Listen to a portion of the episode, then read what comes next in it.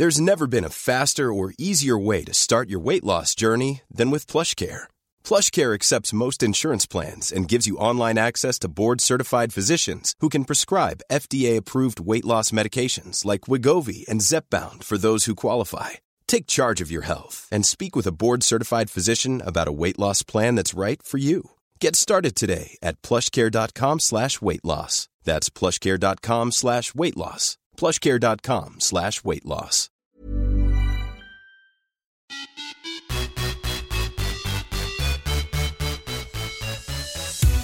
Hej och välkomna till Viss och Svärm on the run med mig Josefin Svärm och Sara Viss. Och eh, jag och Sara snackade lite här innan nu och jag hör ju Sara på dig att eh, du låter faktiskt krasslig. Hur mår du? Ja. Stackare. ja, nej jag, jag har fått äh, halsont igen. Jag hade ju, kommer du ihåg, jag berättade ju förra veckan att jag äh, fick ont i halsen och gjorde coronatest. Ja. Och då kände jag så här, men det var så himla milt eh, och så. Och sen så har jag varit symptomfri, alltså typ i en vecka. Och sen i förrgår natt så började jag känna igen att det kommer tillbaka på sam, samma sätt exakt. Att det känns först som att det Ja. bara känns torrt i halsen när jag sväljer, att det är så här strevt typ. Och sen bara eskalerade ganska snabbt och igår kväll hade jag riktigt ont i halsen.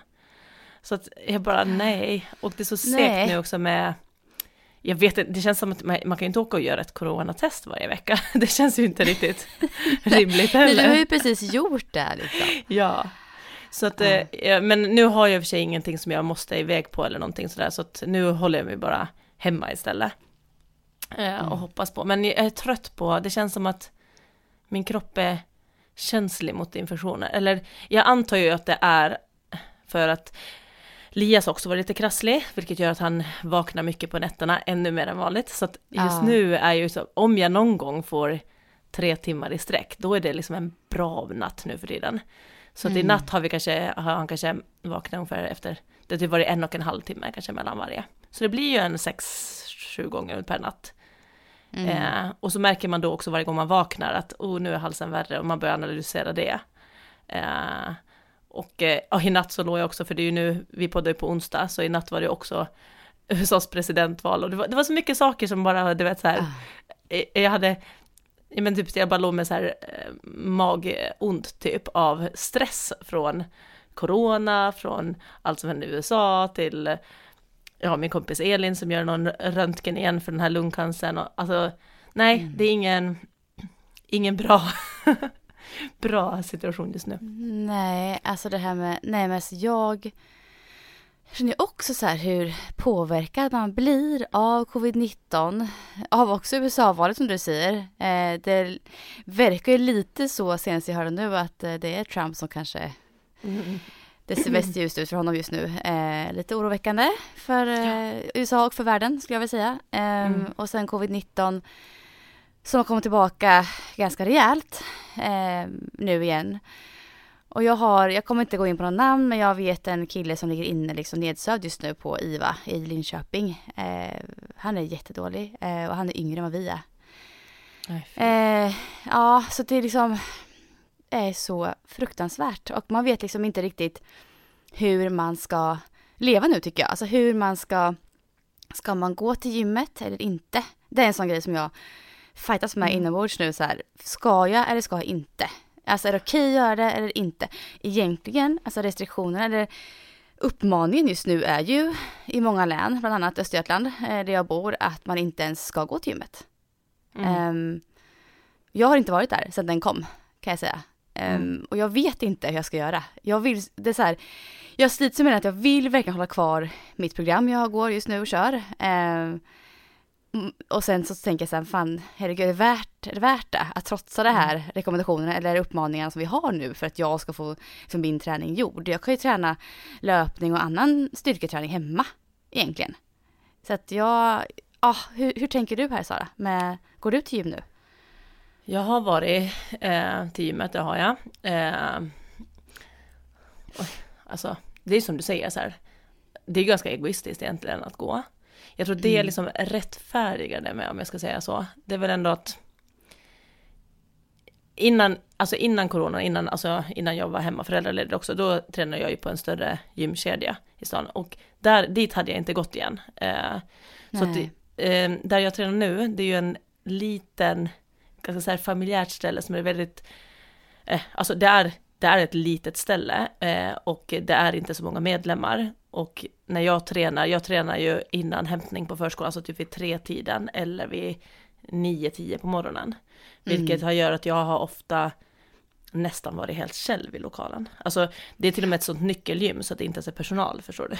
Mm. Så att det var när jag var där typ i söndags kväll, då var det en person som tränade när jag kom dit och sen efter jag hade värmt upp, då var han klar och gick. Så då var jag ensam i hela, hela lokalen, alltså det var inte ens personal mm. på. Mm. Och då blir det lite så här att även om det är en eller två andra där så är det väldigt enkelt att hålla avstånd. Mm. Och när det är så litet också, så blir det som att eh, man försvinner inte, så att folk skulle nog säga till, eller så här, om någon inte torkar undan eh, torkade efter sig och så. Det blir det inte att uppleva på de större gymmen. Precis. För där försvinner mm. du lite i mängden och det är så här, ja, alltså så här. Men här så ser jag ju att alla torkar av sina kettlebells och hantlar och sånt innan de ställer tillbaka det.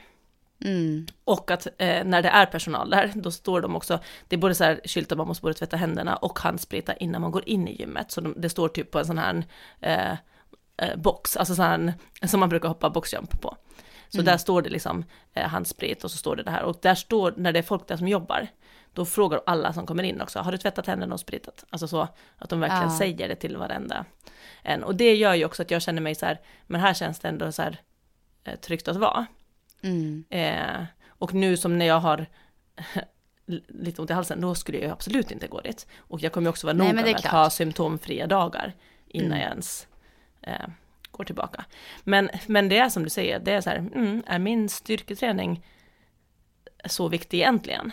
Men jag känner mm. med dig, för jag är ju också inne i ett program liksom och det har rullat på bra och man är så här, det är så skönt att bara få köra på. Jag för vet. det är också det är också det som på något sätt, där känns det så här som, som vanligt och att man ah. gör det man tycker ger energi. Ja. Och så. Ja men det är samma för mig för jag, alltså jag kan ju undvika absolut att det är fler folk än jag nästan på gymmet faktiskt om jag skulle vilja. Det, jag jobbar ju som jag gör, jag är i ett företag, jag kan gå när jag vill på dagen egentligen. Mm. Um, så att när jag har varit där förut och kört så har jag kört pass där det liksom har inte varit, um, kanske en till eller två personer max på hela gymmet. Uh, och de är också jättenoga, verkligen. De tvättar och tvättar och tvättar och har avstånd. Alltså det är verkligen, de gör allt de kan nere på träningsverket, verkligen. Um, så jag tror säkert att man skulle kunna träna ganska säkert där. Men det, det har nog mycket med att göra också att, okej okay, ska jag, och så alltså, ska jag liksom förmedla att det är okej att gå till gym. Det där är rädd för också, att vi kör, mm. ska jag sprida det vidare att jag tränar fortfarande som vanligt, då kommer ju, då kanske fler tänker att ja men då kan jag också träna fortfarande som vanligt. Alltså jag är rädd för den grejen, att man påverkar andra i den riktningen. Och det vill jag väl inte riktigt ska hända. Um, så jag är lite sådär, mm, jag måste bestämma mig för jag ligger, nu har jag tre pass den här veckan, jag har inte börjat med något än. Och bara, ska Nej. jag våga mig ner eller ska jag bara ändra plan i några veckor tills vi vet hur läget blir framöver. Ja, så att jag, ja, jag måste bestämma mig hur jag ska göra eh, när det gäller just det. Jag tror väldigt många faktiskt funderar på just det här med gymträning. Kan jag gå eller inte? Ja, och jag tänker så här, eh Alltså, ibland så hade det nästan varit skönt om det var så här, det här är förbjudet att göra, det här är, alltså jag förstår du att det här stängs ner, alltså ja. att man inte sitter själv med, för att det är ju som sagt, det är inget förbud idag, det är bara typ en Nej. rekommendation att undvika den typ av um, miljöer. Det är, inget, det är inget förbud eller ens att de liksom avrår, alltså det beror på hur man, hur man läser in de här. Men till exempel vi, ja. Lovisa och jag skulle ju förra helgen ha varit i Göteborg Ja. Och där blir det så här, där hamnar man i en annan sak, för dels var vi ganska många och att det är liksom någonting som man då på något sätt uppmanar andra till att komma på eventet, förstår du? Då handlar det mm, inte bara om vad jag gör. Ja, nej. Eh, och även om vi hade kört ner på, på antal platser och sådär, men det var så här undvik eh, att vara inomhusmiljöer, gym och badhus. Badhus har de inte nämnt förut, tycker jag, men då, nu var det ju även nej. badhus och det här var ju mm. dessutom på ett spa. Mm. Eh, så då kändes det så här, eh, nej, nej, nej, alltså det var så här, det här kan vi ju, det här går ju inte. Eh, så där var det ganska självklart att det här får vi styra bort, för det här är ju inte bara vad vi gör i våra privata val. Utan det här blir ju ändå en, en där man drar med sig ganska ja, många andra på. Ja, men det förstår jag, ja. Eh, så att, nej, det blir inte. Och sen hade vi tänkt ändå åka ner eh, och hälsa på Lasses syster och eh, familj som bor där, som vi hade tänkt att stanna kvar och göra. Men sen, sen struntar vi i det också, för det blir lite så här olustigt ändå att när de går ut med så ganska starkt plötsligt och då att ändå Mm. resa dit när det inte är så här någonting man måste vara på plats för. Och, Nej men precis. så ja, Ja, men är, hur är det i simhallar i Stockholm? Är de, för våra Motala simhallar är stängda nämligen nu. mhm. De har stängt Eh, igen. Nej, jag tror inte att det är stängt. Nu, är jag jag är inte säker, men jag tror Mm. inte att det är stängt i Stockholm, för det Nej. hade jag ju aldrig varit. Och vi har Nej. inte fått något meddelande typ av att eh, Rasmus simskola skulle vara inställd eller något sånt heller. Nej okej, för här är det ju inställt och även eh, friidrottshallen där vi brukar träna. Vi brukar vara själva där men den är också stängd nu på, på Ja, de tiderna som vi brukar köra. Ja, så de har verkligen, här har de dragit rätt hårt och jag läste liksom att de så här, ja men typ så här upp, alltså uppmanar oss att inte gå till gym liksom. Alltså verkligen så. Det Mm. känns som att det så här, kanske är hårdare just i Östergötland då kanske just nu. Eh, lokalt så, eh, råden. Och så Ja, läser man kan- annat i efterhand. Det är så svårt att veta vad man ska liksom, ah. Ja, men jag tror Ja, att det är ändå så här att just följa det som händer där man själv bor, för det kommer ju vara lite olika på alla ställen. Ja, Men däremot känner jag till exempel här, eh, Bosön är öppen som vanligt. Och där har Mm. jag alltid tänkt, men där är det så stort och luftigt, så där kan man vara. ja. Men där börjar jag ändå tänka lite om, för där känner jag att där behöver många elitidrottare vara. Ja, du tänker Eh. så ja, att de ska få kanske mer plats då. Ja men exakt, Alltså jag känner man, lite så här eh, att det är deras mm. arbetsplats, skulle jag nästan Ja. säga. Mm. Eh, många där, man vet ju att det är många som är liksom på landslagsnivå som är där och kör tester och de tränar och så här. Eh, och då kan jag känna så här, då behöver kanske inte jag vara där just nu heller liksom. För Nej, det är ändå mer folk i rullning där. Ja. än vad det är på ett, det här lilla crossfit-gymmet. Alltså även, även om man inte är nära varandra, men jag tänker också hur många personer som är där under en dag. Det är också ganska stor Mm. skillnad på. Eh, Ja men verkligen, vi skulle, jag och min syster skulle faktiskt till Bosön och gå utbildning eh, väldigt snart. Det var nog egentligen i, vad är det för datum nu? Näst, inte den här helgen men typ två helger efter det här, tror jag. Eh, om två, tre veckor ungefär, då ska vi åka till Bosön eh, och gå till utbildning. Men inom löpning då. Eh, men den ställde vi in. De kommer ha den vet jag fortfarande. Men vi skrev till dem att vi inte gärna åker upp till Stockholm nu liksom. Det känns inte Nej. rätt gör det inte tycker inte jag.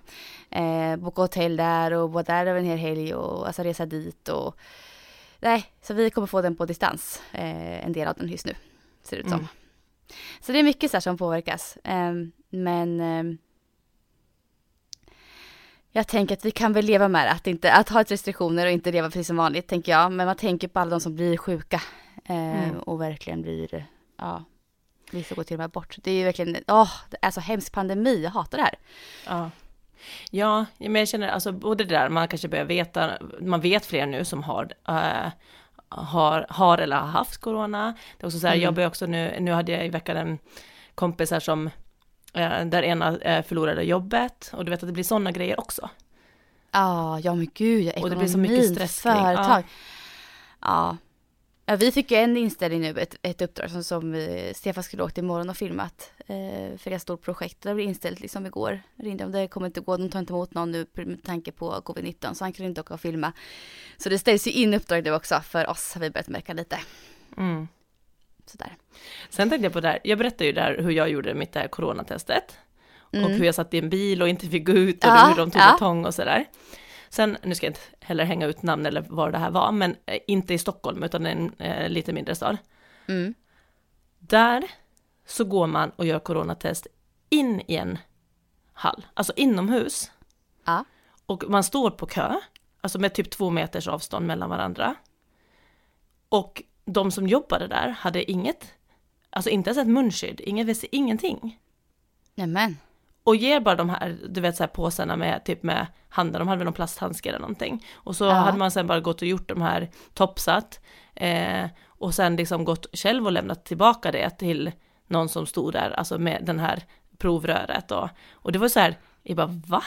Alltså dels så här, de där, de här, det här är ju inte antikroppstest utan det här är ju om man har corona och det testar man ju när Ja. man har symptom. Mm, Och då att bara precis. stå i en kö med massa folk som har symptom. Och sen tänker jag att de som jobbar där ska under hela dagen då möta folk som har, utan att ha någon form av så här, alltså någon form av skyddsklädsel. Nej. klädsel. Alltså, Jag vet att min svärfar testade sig, han hade inte corona, men han var och testade sig för han hade förkylningssymptom. Eh, och det var inte så att han var utomhus, det tror jag inte. Han, han var också inne någonstans och provade, testade sig i alla fall, det vet jag. Men sen vet inte jag exakt hur det gick till, jag kan fråga honom också. Hur... För det var ju det så, jag, fick ju inte, de sa ju verkligen så här, du får inte gå ut ur bilen. Och de tog ju Ah. liksom det här testet med en så här tång genom fönsterrutan. Ja, och så. Och sen så, så hon här som hade gjort det här då, hon sa ju liksom också att bara att, eh, för hon var ungefär som mig, att hon trodde inte att hon hade, men hon behövde kolla för säkerhets skull, för hon hade haft ont i halsen. Mm. Men att då blev det ju att när man kom hem från det där, då vill man ju testa sig, för att det känns som man har, är det någonstans man har fått det så är det ju där. Ja. ja, vad sjukt egentligen. Det Jag låter jättekonstigt. Så hade inte jag velat gjort. Nej, nej verkligen inte. Och att det, att det inte var några masker till de som stod i kö heller. Hon hade ju typ bara så här dragit upp tröjan och andats ner i den, för att man bara kände hur det... Ja, paniken liksom. Också hostar typ och snorar liksom bredvid Ja. nästan. Fy. Åh. Ja. Nej vi får se vad som händer. Tyvärr har ju kurvan eh, gått upp väldigt, väldigt mycket nu. Mm, den har Eh, det. Så jag, tänk, jag vet inte, nu har jag inte helt koll på statistiken, men jag hoppas att det kan vara en sån här grej också, att det är många, många, många fler som testar sig. Ja, jag tänk, ja, det tror jag också. Och därför då så ser det ut att vara mycket flera. Fast det Mm. kanske är många som hade det förut, eller under hela tiden, men man har inte haft lika Mm. tillgängligt till att ta de här testen. Nej, så kan det visst vara. Hoppas. Ja, vi får se hur det utvecklar sig här nu. Vi hoppas det kommer vända lite snart så vi kan börja lite så här, slappna av och leva som vanligt och ha lite framtidstro igen. Ja. Men du, eh, Mm. jag tänkte faktiskt lyfta en grej som jag eh, föll över på Instagram, som jag tyckte att det var eh, en jättebra grej. Ehm, Ja. Jag följer en tjej som heter Sofia Selenius som eh, jobbar eh, på det här Frisk och Fri som vi har pratat om förut när vi var inne på ätstörningar och eh, det här ortorexi Ja. och eh, Vad, vad hette hon sa du? Sofia Selenius, alltså E S-E-L-E-N-I-U-S. Eh, Fan att jag visste vem det var nämligen. Därför jag, ja. Ja, jag har träffat henne förut på ett, eh, eh, ett event. Eh, jättegullig tjej från Finland. Mm. Vi hade, Mm. hon kände mina kusiner så världen är liten. Haha, roligt. Ja. Ja, men det jag skulle komma till, hon eh, jobbar på det här eh, Frisk och Fri. Och eh, då har hon nu liksom i hennes eh, arbetsroll så är hon så här forskningsassistent på Karolinska institutet, för de gör en studie i samarbete med Frisk och Fri. Och studien är egentligen liksom att man, att Frisk och Fri har tagit fram en, eh, en utbildningsplan för tränare, ledare, coacher, alla som har liksom inom liksom idrotten eller träning eh, jobbar inom det. Så det kan vara att man är Mm. instruktör eller eh, tränare för eh, något fotbollslag eller du vet så här inom, inom ideell idrott också. Eh, och då har de gjort en liksom utbildning för där man ska vara uppmärksam på eh, ätstörningar och hur man kan agera och eh, eh, alltså vad man som eh, i den miljön kan göra för att upptäcka det tidigare och hjälpa om det skulle vara att någon mår dåligt. Mm. Och då eh, så vill de så här kunna liksom, eh, eh, liksom så här kvalitetssäkra och förbättra den här utbildningen. Så det hon la ut var att hon sökte just tränare och ledare som ville göra den här eh, utbildningen gratis. Men att då att man gjorde, ställde, eh, man svarade på massa eh, frågor i en enkät innan och sen efter utbildningen. Och det är det KI gör, för att de vill liksom se eh, hur, hur den här utbildningen eh, om hur mycket, hur mycket den gör skillnad, liksom, vad, hur Ja. ens tankesätt blir om innan och efter. Hur mycket man lär sig och så. Mm. Eh, och jag har gjort den här, så jag gjorde de där, eh, de där frågorna kanske tar 10-15 minuter. Och sen Ja. utbildningen i sig kanske tar, alltså jag delar upp den på så många små, men kanske en timme i alla fall, något sånt. Ja, så Jag du har den- gått utbildningen färdigt nu? Ja, och så gjorde jag de där frågorna efteråt. Ah, intressant. Också. Så det är liksom en webbutbildning som jag gör, den heter iCare.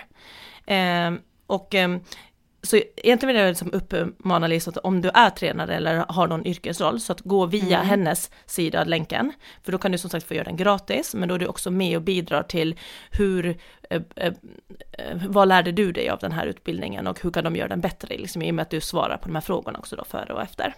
Mm.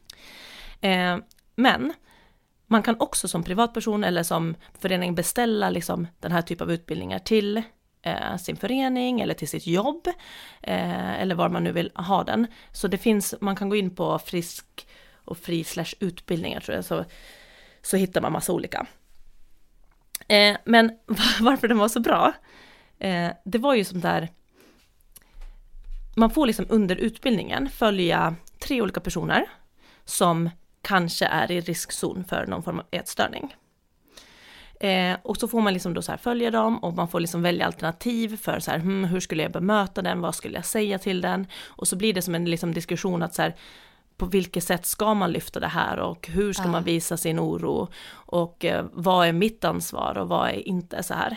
Så jag tyckte att det skapar väldigt mycket alltså så här, frågeställningar för sig själv och man blev fundera efter hur är det på mitt gym? Eller hur är det på där jag rör mig? Hur är den här mm. miljön? Mm.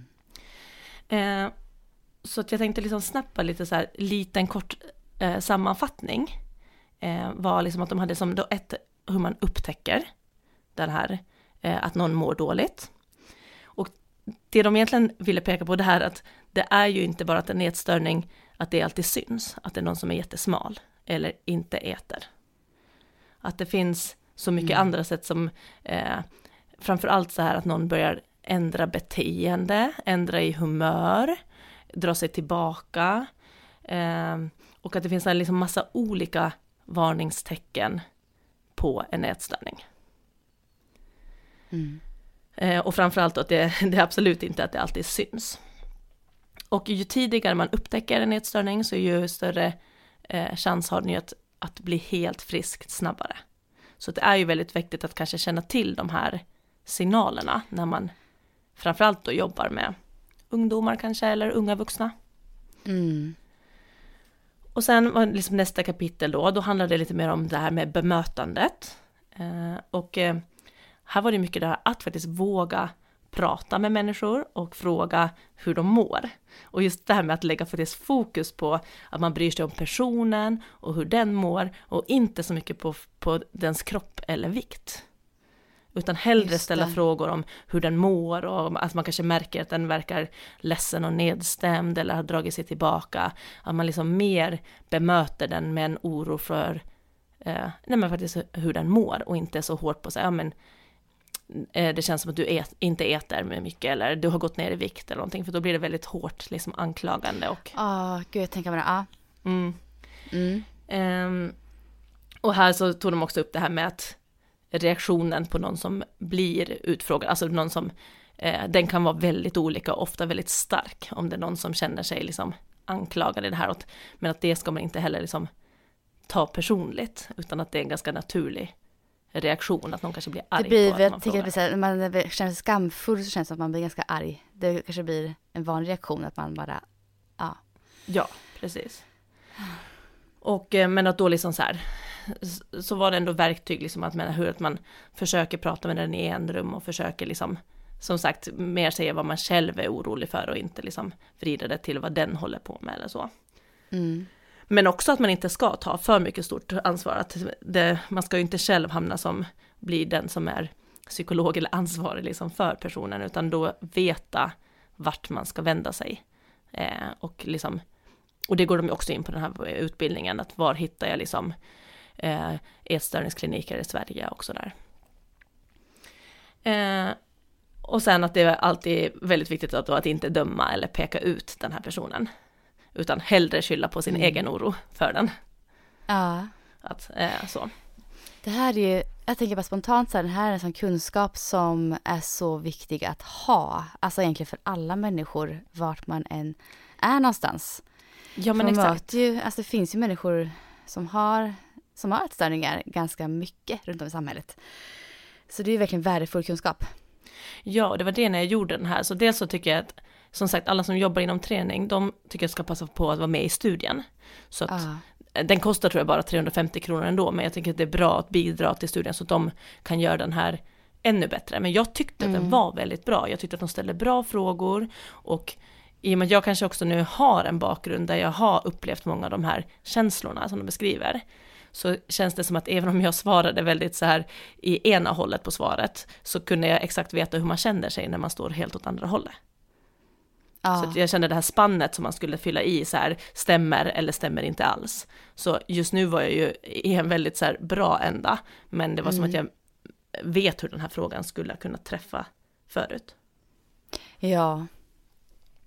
Ah, mm. Så, och det var det jag tänkte också som förälder, tror jag också att den här är bra att gå. Alltså även om det inte Jättebra. bara är idrott, utan du kanske har eh, tonårsbarn eller alltså till och med kanske yngre, eh, eller liksom på något annat ställe rör dig i alla fall bland eh, personer i den åldern som kanske är mer i riskzonen. Mm. Ja, alltså verkligen. Föräldrar är ju verkligen, ja, där skulle man verkligen behöva gå en sån här utbildning bara för att...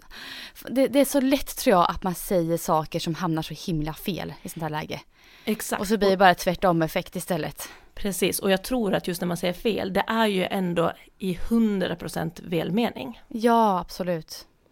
Eh, för, och det är ju så här, och jag, men jag tycker att egentligen det som jag tycker att det var jätte, jättebra, det var ju det här att när du tar upp det eller någonting, att inte eh, kommentera kropp och vikt. Mm, För det känns som att det kommer att hamna fel, nästan oavsett hur du säger Det där, för jag minns, jag har sagt det förut i podden, vi pratade om ätstörningar, ett avsnitt, så, så eh, när jag gick på universitetet i Göteborg så var det en tjej i vår klass som eh, gick ner väldigt mycket vikt på kort tid. Eh, hon såg inte ut att vara så lycklig och, och må så bra liksom. Eh, och då så gick jag och en tjej fram efter ett tag och pratade med henne. Hon var ju nära vän till oss så vi kände att vi kunde göra det. Men vi la ju fram det så här, nu lyssnar på dig nu, så påpekade vi hennes vikt Mm. bland det första jag gjorde var ju det. Vilket, och hon blev jättearg, förstå, alltså så. Jag minns ju hennes reaktion. Hon skämdes, hon blev arg, liksom det var hennes reaktion. Sen vart hon frisk, så hon tackade oss sen senare. Men jag tror att vi gick ju på fel i ordval där, verkligen. Och det har jag tänkt på ganska mycket faktiskt, även innan du sa det här nu i podden här. Att vi kanske formulerar oss väldigt, lite galet när vi eh, pratar med henne. Ja, samtidigt tror jag ändå att det var bättre att ni sa sådär, än att ni inte Ja. skulle sagt något alls. Ja, absolut. För det är ju ändå det att våga prata, den var ju, kommer ju ändå liksom först. Och det är så här, eh, som sagt, i den här utbildningen så är det som tre olika personer man följer. Och alla de tre har egentligen olika bakgrunder och kanske olika anledningar till varför de eh, börjar mixtra med det här beteendet eller liksom så. Eh, och det är ju ändå så här, jag tycker väldigt intressant att säga att ibland kanske det inte är någon fara heller. Och det måste man ju också komma ihåg. Mm. Någon kan ju gå ner i vikt också till exempel utan att det har med en ätstörning att göra Ja. eller gå upp i vikt. Eller som de sagt för väldigt många så kommer det inte att synas på dig om du har en ätstörning. Så därför blir det så, och jag kan också komma ihåg att just i välmening, att även när man, nu sätter jag så här fingrar, när man börjar friskna till efter en ätstörning. Mm. När friskna till, det är ju för i alla andras ögon att du börjar vara normalviktig. Just och då om någon kunde säga så här, gud vad härligt, eh, nu ser jag att du mår bättre. Ja. Då var ju det som ett så här, nu ser jag att du har gått upp i vikt. Alltså, Mm. fast de menar ju det jättevälmenat och de är lättare, alltså de känner sig lättnad och känner så här, typ kärlek till den, så här, gud vad, vad jag blir glad att se att du har lagt på dig. Och så hamnar men- det också helt fel. Ja, ja, alltså det är inte så här för att om, det, det Ja. betyder ju inte att du behöver må bra bara för att du har gått upp i vikt. Nej. Så jag tyckte det var väldigt så här, eh, kloka grejer. Och sen så var det också så här ett eh, kapitel som handlar om att förebygga. Och tänk på detta. Och det här tänkte jag allmänt också, typ i sociala medier. Till exempel. Mm. Alltså i alla, för man får ju tänka miljö, nu, så, så, eh, som Instagram, jag skulle säga att det är ju en miljö där vi vistas idag. Absolut. Det är ju inte bara gymmet och på fotbollsträningen och i skolan, utan Instagram är ju en miljö som vi är i. Och då tänkte jag så här, då eh, så, så pratar de liksom att, att tänka på vad som förmedlas där man är. Alltså till exempel med Mm. affischer, bilder, speglar, vågar, att det står ofta en våg på gymmet till exempel. Alltså Mm. vad behöver man egentligen ha där för just den målgruppen? Eh, också hur viktigt det är just att prata om och ge utrymme för liksom så här vila och återhämtning. Så att man inte alltid bara pratar så här träning, träning, eh, prestation, utan också så här lyfta, eh, vila och återhämtning. Det här är då kanske framförallt nu då mot idrott och på en gym. Ja, just det, precis. Men sen att också själv föregå med eh, eh, gott exempel, alltså vara en bra förebild för de man jobbar med. Att försöka leva, leva som man lär. Eh, men också sen också hur man uttrycker sig, att försöka vara så neutral som möjligt kring kropp, vikt och prestation. Att det inte liksom, det är lätt att man liksom eh, får någonting extremt att låta som väldigt bra eller normalt. Till exempel att ja, hon är så himla himla duktig som hon springer ju alltid en mil varje morgon. Och du vet, alltså, det blir mm. ett sånt här, ett, om man ofta pratar så, då blir ju det nästan att, man, att det är det normala för att vara duktig till exempel. Mm. Så lite hur man uttrycker sig och vara försiktig just med det här att, med eh, hur mycket man lyfter eh, extrema eh, saker och så. Det tror jag är så himla lätt att hamna där för träningsprofiler, för det man visar upp på Instagram är träning. Mm. Och inte så mycket övriga livet kanske många inte visar upp och då så tänker folk så här att shit vad hon tränar, jäklar vad hon är duktig. Det där, så där vill jag också leva mitt liv och så, så börjar man liksom på något lite mer extremt sätt också nå upp till det. Um, fast den här personen egentligen har ett annat liv och inte alls tränar varje dag som det ser ut som. Jag tror nästan mm. lätt att hamna där. Ja, och därför just att det blir då lika viktigt att liksom lyfta att, att träna lagom mycket eh, ja. i jämna mellanrum åtminstone. Det är också väldigt, väldigt bra. Det är precis ja. lika bra. Mm. Eh, men också det här med att, eh, att ju mer tid, alltså ju mer du hinner lära känna personerna som du jobbar med eller tränar, just bättre miljö blir det också för dem, alltså deras märka det, men också för att de att våga prata om det. Om det finns utrymme till mm. prat och liksom annat än träning också. Mm. Eh, och sen hade de ännu eh, att hålla koll på just det här, förändringar i beteende, humör, social delaktighet eh, och att liksom försöka, ja, om det är någon som inte verkar må jättebra, att faktiskt våga fråga eh, och våga bry sig. Det där är ju med en sån grej som jag tycker kan vara väldigt svår, alltså så om man känner någon nära så är det ju lättare liksom att fråga. Men nu så här som sociala medier, man har lärt känna människor på distans, väldigt många. Um, och man har lite kontakt och så. Men jag tycker det är svårare att, jag vet flera fall som jag kan gissa har någon slags ätstörning. Um, som jag har kontakt med på Instagram men som man kanske inte är så här, där vågar inte jag liksom gå in och ja, skriva något fint och bara hur mår Alltså jag, jag är rädd för det. Men jag, och jag mm. tänker typ så här att den här tjejen har säkert någon i sin närhet som faktiskt bryr sig och, och frågar henne och eh, det är tills hon får hjälp, men det vet man ju inte. Och alla, om alla tänker så att, nej men jag vågar inte, vad händer, då händer ju ingenting. Men jag blir så här, det här tycker jag är svårt balansgång, för jag känner ju kanske inte personen jätteväl, men bryr mig ändå, känner så här, men gud det här, det känns inte som att det är jättefriskt beteende det här, eh, hon mår nog inte jättebra. Eh, jag skulle vilja liksom fråga på ett snällt sätt och så tänker jag att det kan tas så fel. Mm. Om man gör det. Ja, som, alltså där tänker jag, så, ja, för det blir ju svårt just när man inte känner varandra och jag hade också tänkt så här, ja. hoppas den har någon nära som liksom har lite ja. koll på den. Men egentligen tänker jag, om man det är så att man oroar sig mycket och ser de här tecknen, alltså då, att prata med den i en rum, det blir ju då i så fall på ett DM om det är på Instagram. Ja.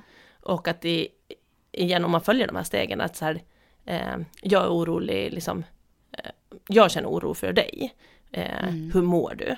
Inte det så här mm. bara, jag har uppmärksammat att du ser mer smal och smal, alltså du vet, eller, eller Nej, att du verkar, utan bara så här, eh, eh, hoppas du mår bra, och sen då kanske också så här, skulle det vara att du behöver stöd inom det här, så kan man ge en länk. Mm. Och typ bara så, och så, för jag tror där också att reagerar man, skulle någon skicka så till mig, då skulle det bli så här, men oj gud, har jag, har det sett ut så? Nej, det, det verkligen, alltså du förstår, jag hade inte tagit illa och, och, och vid mig. Nej, nej. Men om det kanske träffar, alltså, det, och det var ju det de lyfte också, att det, det, man kan ofta bli ganska arg och man kan bli, men att det är inte personligt till den som frågar. Nej.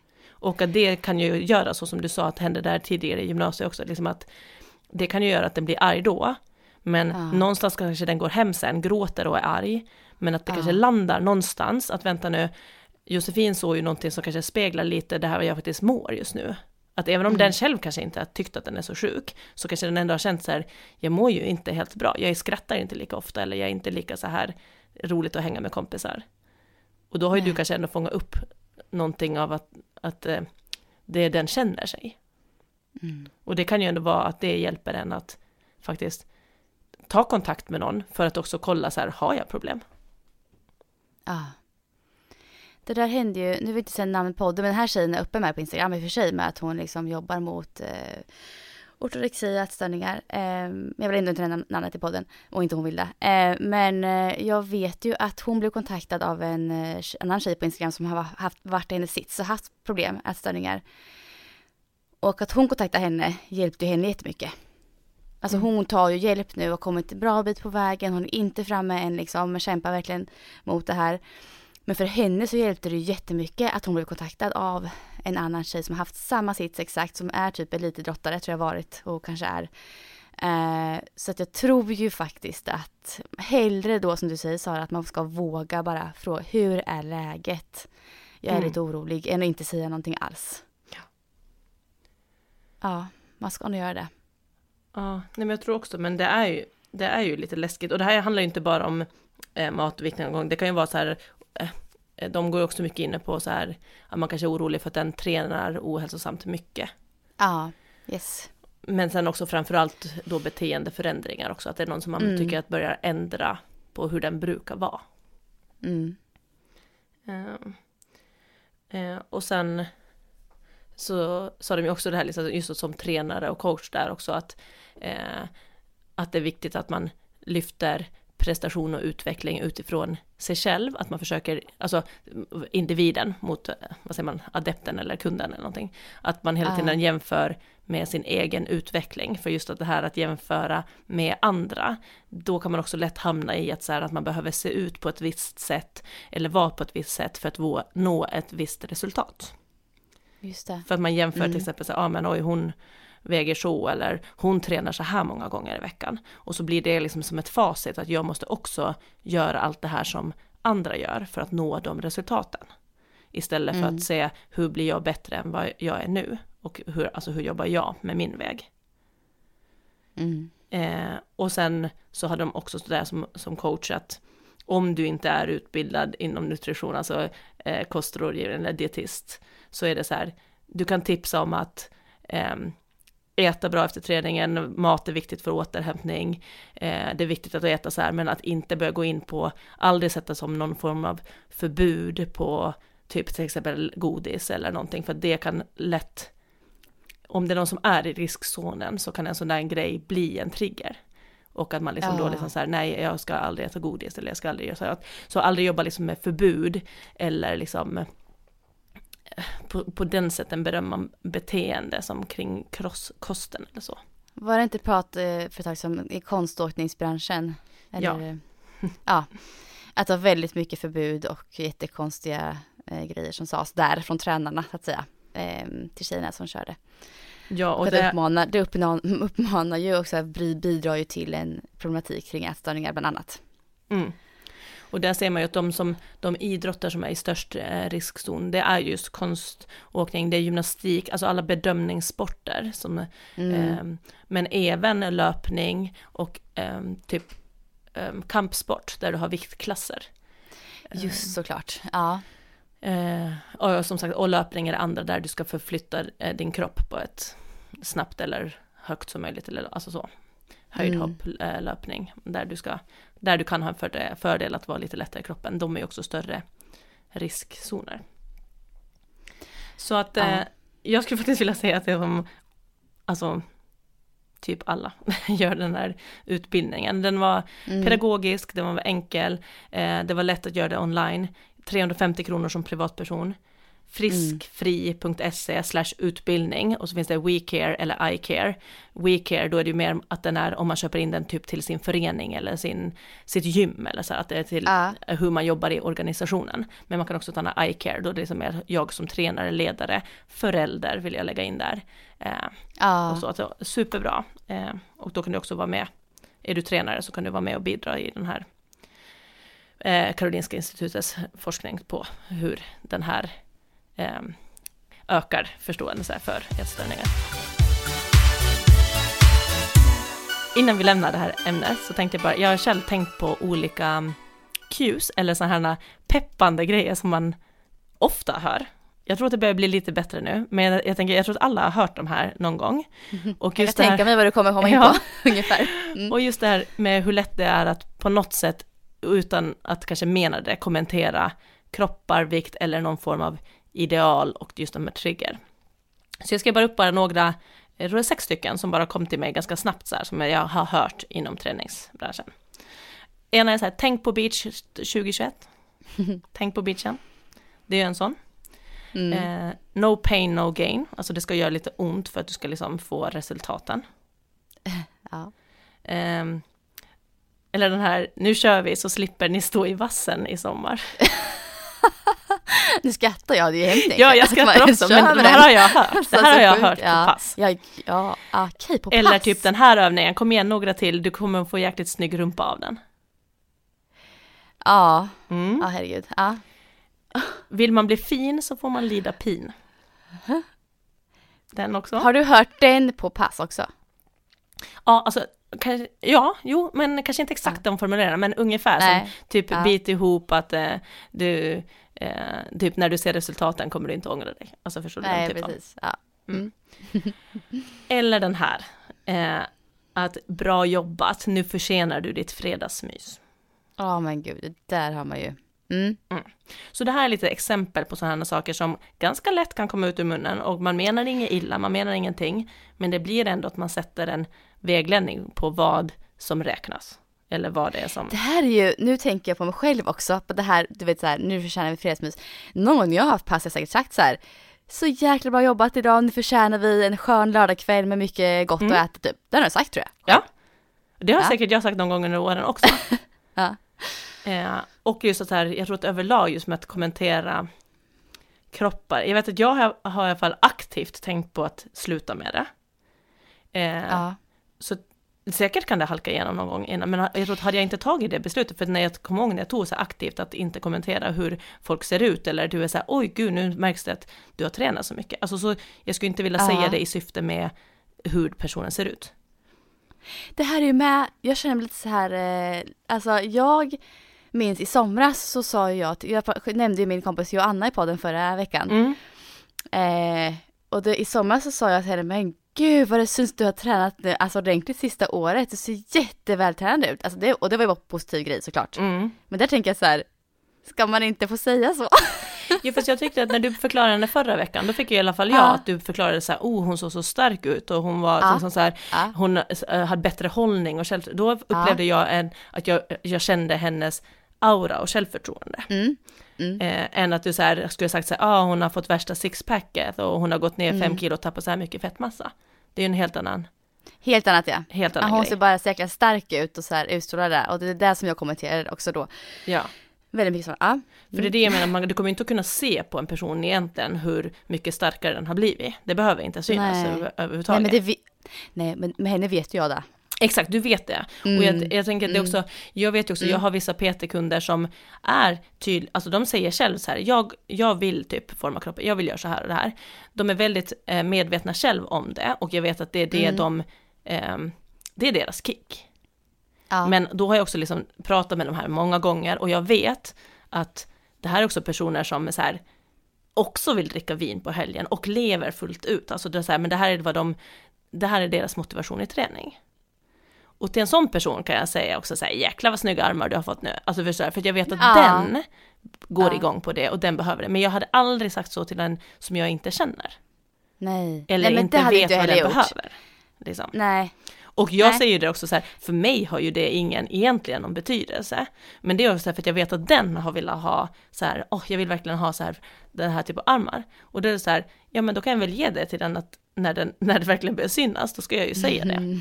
Men Mm. där vet jag också att den värderar sig själv inte i de här armarna. Eller att, alltså det kan ju vara sådär, det skulle inte ens göra någonting om den inte ens får de där armarna någon gång på grund av att den lever lite för gött på helgen. Alltså så. För att Mm. den tycker att det ändå är viktigare, förstår du? Det är en skillnad lite på hur man går in i de där målsättningarna också. Absolut. Och så är det väldigt många tror jag på Instagram som kommenterar varandras kroppar hit och dit och det är också så här helt galet egentligen. Ja.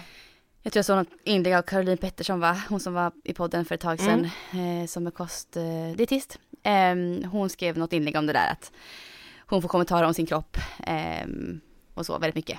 Mm. Så att jag, där, där går gränsen alltså. Det känns ju inte jätteokej alltså att göra det. Nej. Ja, jag håller med, och det är åt båda håll egentligen. För det är Ja. lätt att man eh, Ja. tycker att det inte är okej att, så här, att någon inte ser vältränad ut, men att det Mm. är bara komplimang att strö Mm. över hur, hur någon ser ut åt andra hållet. Men det är inte, Ah. det är samma sak. Mm. Så att man kan, om man inte har gjort det tidigare så tycker jag man kan göra en check på sig själv. Hur ofta så här kommenterar jag någons utseende eller kropp? Mm. Och kolla, kan jag ge den här komplimangen i form av att lyfta dens eh, prestation, dens agerande eller dens personlighet liksom istället. Ja, jag vet inte Sara, jag tänker att eh, vi hade ju lite mer planer med det här avsnittet egentligen, men det vart ju ganska långdraget det här och eh, väldigt intressanta diskussioner kring just ätstörningar och den här utbildningen Frisk och Fri eh, håller i. Mm. Men idag tänker jag på så är det faktiskt, när här avsnittet släpps, så är det ju fars dag. Ja, Ja. mysigt. Så nu får man se vad, vi, Ja. vad man kommer att kunna hitta på. Men vi ska i alla fall försöka kämma bort papporna i vårt liv. Ja, vi ska försöka göra det. Hur brukar, alltså, brukar ni köpa någonting? Är det mest så här att ni liksom umgås och har det mysigt? Eller blir det speciellt just för att det är första dag hemma hos er? Ja men vi brukar nog, ehm, om man tar i, ja, men både i min familj där jag har växt upp men också nu i min nuvarande familj då. Så att eh, Ja. eh, vi gör nog frukost på sängen, sjunger. Eh, och så brukar vi försöka ha något så här kort och ett paket, alltså det behöver inte vara någon stor grej. Eh, och sen har vi försökt att om det har passat, kanske gå ut och äta eller något sådant. Ah. Så det blir ju ändå en del. Att det är Ah. mysigt. Men att också att jag försöker engagera Rasmus. Nu är det ju roligt, för nu börjar ju han vara i en ålder där han verkligen förstår det här med liksom eh, att fira någon och sådär. Så det är väldigt roligt att vi har, vi har beställt eh, present på nätet. Jag, jag är typ nätshoppar aldrig. Alltså jag har typ aldrig gjort det. Men Nej. nu är det ju som att jag så här, får testa för att jag, jag vill inte åka eh, och gå i butiker för att kolla efter någonting. Nej. Och så visste jag typ vad jag ville ha, men jag bara, men det finns typ inte på Lidingö. Det kan jag ju säga nu, för nu är det ju söndag, han har ju Ja, redan öppnat ja, här. ja, det har jag fått det. Ja, exakt. Jag köpte till Rasmus en så fin så här, typ mörkblå manchesterskjorta. Och då har Lasse Ja. sagt typ hundra gånger så han bara, åh jag vill ha en likadan som Rasmus, så att vi ska ha likadan. Och då kunde Ja. jag söka på det och så hittade jag en eh, manchesterskjorta som jag har beställt, klickat hem till honom. Gud vad kul. Så det ska han få som bara som en, Ah. en förstadspresent och så blir det att han och Rasmus då får ha lika. Ja, vad mysigt. Gulligt. Så så kommer det så här. Sen vet jag inte, nu är det det man kanske inte åker direkt u, eller ja, ut och äter så. Vi har ju den här Storholmen kökrog. Det finns ju en restaurang på hela Mm. Storholmen Ja. och det är allt som finns. Det finns ingen butik Ja. eller något sånt. Och de vet jag har förstadsmiddag och då, då har ju de också så här med bordsbokning så att de kan liksom placera ut med avstånd och att så här olika Ja, tidsintervall så att man, så vi ska säga vi kanske går och, och äter här då, här på ön liksom. ja, mysigt. Hur ska ni fira? Alltså vi är så här, vi är riktigt dåliga här hemma faktiskt på Mm. att eh, just när det gäller oss, mig och Stefan så firar vi sällan alltså våra födelsedagar så mycket och inte heller fars dag, mors dag. Ehm, alltså vi, vi köper typ aldrig presenter. Men alltså vi brukar ju alltid se till att vi liksom har en extra mysig dag istället. Att vi gör någonting med barnen som familj och nu blir det verkligen så. I och med covid-19 och allting som är. Så vi kommer nog ha en väldigt mysig dag bara på söndag och kanske köpa hem eh, sushi från bästa stället här i Motala och, och äta hemma. Det är hans eh, favoritmat och hans favoritrestaurang. Eh, lite så. Så att mm. vi har, eh, Stefan du har inte fått någon present idag, förlåt som vanligt. Men hoppas att det blir en mysig dag ändå med familjen. ja, och jag, vet, jag tror faktiskt att vi är bättre nästan på far och mors dag än på födelsedagar. Ja. Det är så? För det blir lite mer inkluderat för hela familjen, att nu ska vi fira ja, pappa. Alltså förstår du, att det blir lite mer. Det är lite mysigt. Alltså vi kan så här, ofta så skriver typ jag kort sen, eller barnen mm. något fint kort till eh, Stefan på första dag så här, vi älskar dig och någon fin text så här, ihop från oss tre. Det brukar vi faktiskt göra. Mm. Så något sånt har nog han nu fått nu på morgonen i alla fall av oss. Och ja. mycket kramar. ja, och vi brukar, det kan, om man har tips, om man inte har köpt någonting, men just det som du säger, gör, gör någonting som den tycker om. För det vet jag att eh, Lasse, han fyller ju år i augusti, så lite bättre tidpunkt då. För han gillar ju naturen och vara ute. Så vi har typ ah. två eller tre år gjort att vi har tältat, alltså sovit över och liksom hade haft middag, tältning och frukost ute i skogen. För att han älskar det och det blir typ bara av en gång per år. Men, Men det har typ varit hans bästa så här, födelsedagspresent för att han älskar att då kommer vi ut allihopa och gör det där så blir det en ah. present. Och det tänkte jag, nu kanske man inte så, det kanske behöver vara kallt ute, men att eh, just där, kanske gå ut på någon eh, liten utflykt, eh, grilla, ha med massa, alltså sånt är ju jättemysigt att ja, umgås. Jättemysigt, ja men verkligen. Något sånt kanske får bli för oss då. Ja. Idag när det här släpps.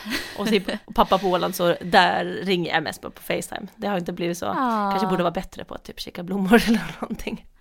Vi brukar faktiskt, däremot min pappa, där brukar vi faktiskt vi fyra systrar gå ihop och köpa någonting varje gång det är första dag. Ja. Eh, så han kommer säkert ha fått någonting här nu idag av oss. Mm ja, jag får i alla fall ringa och ja, ringa och exakt. sjunga och säga, säga mycket ja. vi saknar, för det gör man ju verkligen. Ja. Ja, nej, men så men till papporna i våra liv, ni är fina. Ja, ni är jättefina, vi älskar er. Mm. eh, ja, men alltså ha det så jättebra nu eh, i helgen och eh, krya på dig. Nu ja. får du bli frisk faktiskt. Ja, jag hoppas att jag är frisk när det här sänds. Ja. Och ni som lyssnar har det så jättebra ni också. Ja, ta hand om er och håll ut här nu i dessa tider. Ja, oh, verkligen. Mm. Ha det fint. Ha det bra. Hej. Hej då.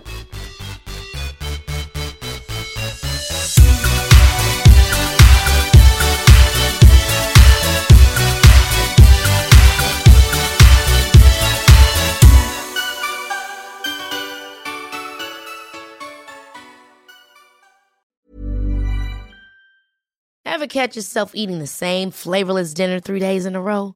Dreaming of something better? Well, HelloFresh is your guilt-free dream come true, baby. It's me, Gigi Palmer. Let's wake up those taste buds with hot, juicy pecan-crusted chicken or garlic butter shrimp scampi. Mm. Hello Fresh. Stop dreaming of all the delicious possibilities and dig in at HelloFresh.com. Let's get this dinner party started.